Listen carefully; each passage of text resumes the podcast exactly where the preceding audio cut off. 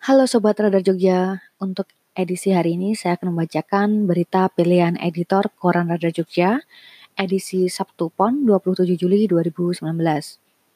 Untuk hari ini, editor memilih berita berjudul PSS Sleman vs Barito Putra, 3 poin harga mati.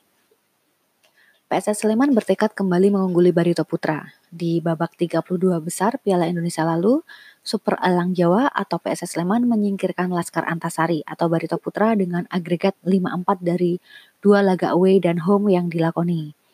Nah, sore ini PSS Sleman kembali mengumandangkan target menang di kandang sendiri pada pertandingan di Stadion Maguwarjo dalam lanjutan Shopee Liga 1 2019 pekan ke-10.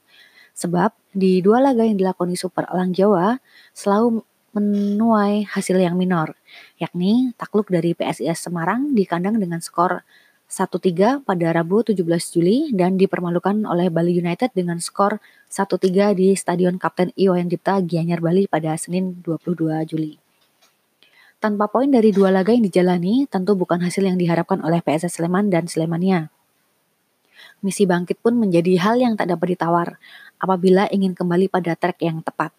Kemenangan akan membuat kepercayaan diri Bagus Nirwanto kakak kembali tumbuh. Ya, saat ini PSS memang butuh kemenangan demi membangkitkan motivasi para pemainnya. Pelatih PSS Sleman Seto Nurdiantoro tak ingin tren negatif itu berlanjut pada laga melawan Bekantan Hamluk atau Barito Putra. Pelatih 45 tahun itu mengatakan PSS siap bangkit dan berusaha semaksimal mungkin dengan keterbatasan yang ada.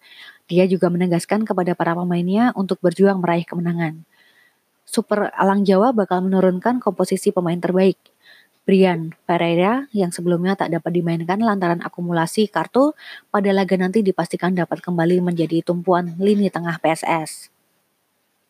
Meski begitu, PSS tetap harus mewaspadai Barito Putra. Maklum saja, tim asuhan Yunan Helmi ini juga memiliki misi untuk meraih kemenangan usai di laga sebelumnya ditahan imbang oleh Persela Lamongan dengan skor 0-0.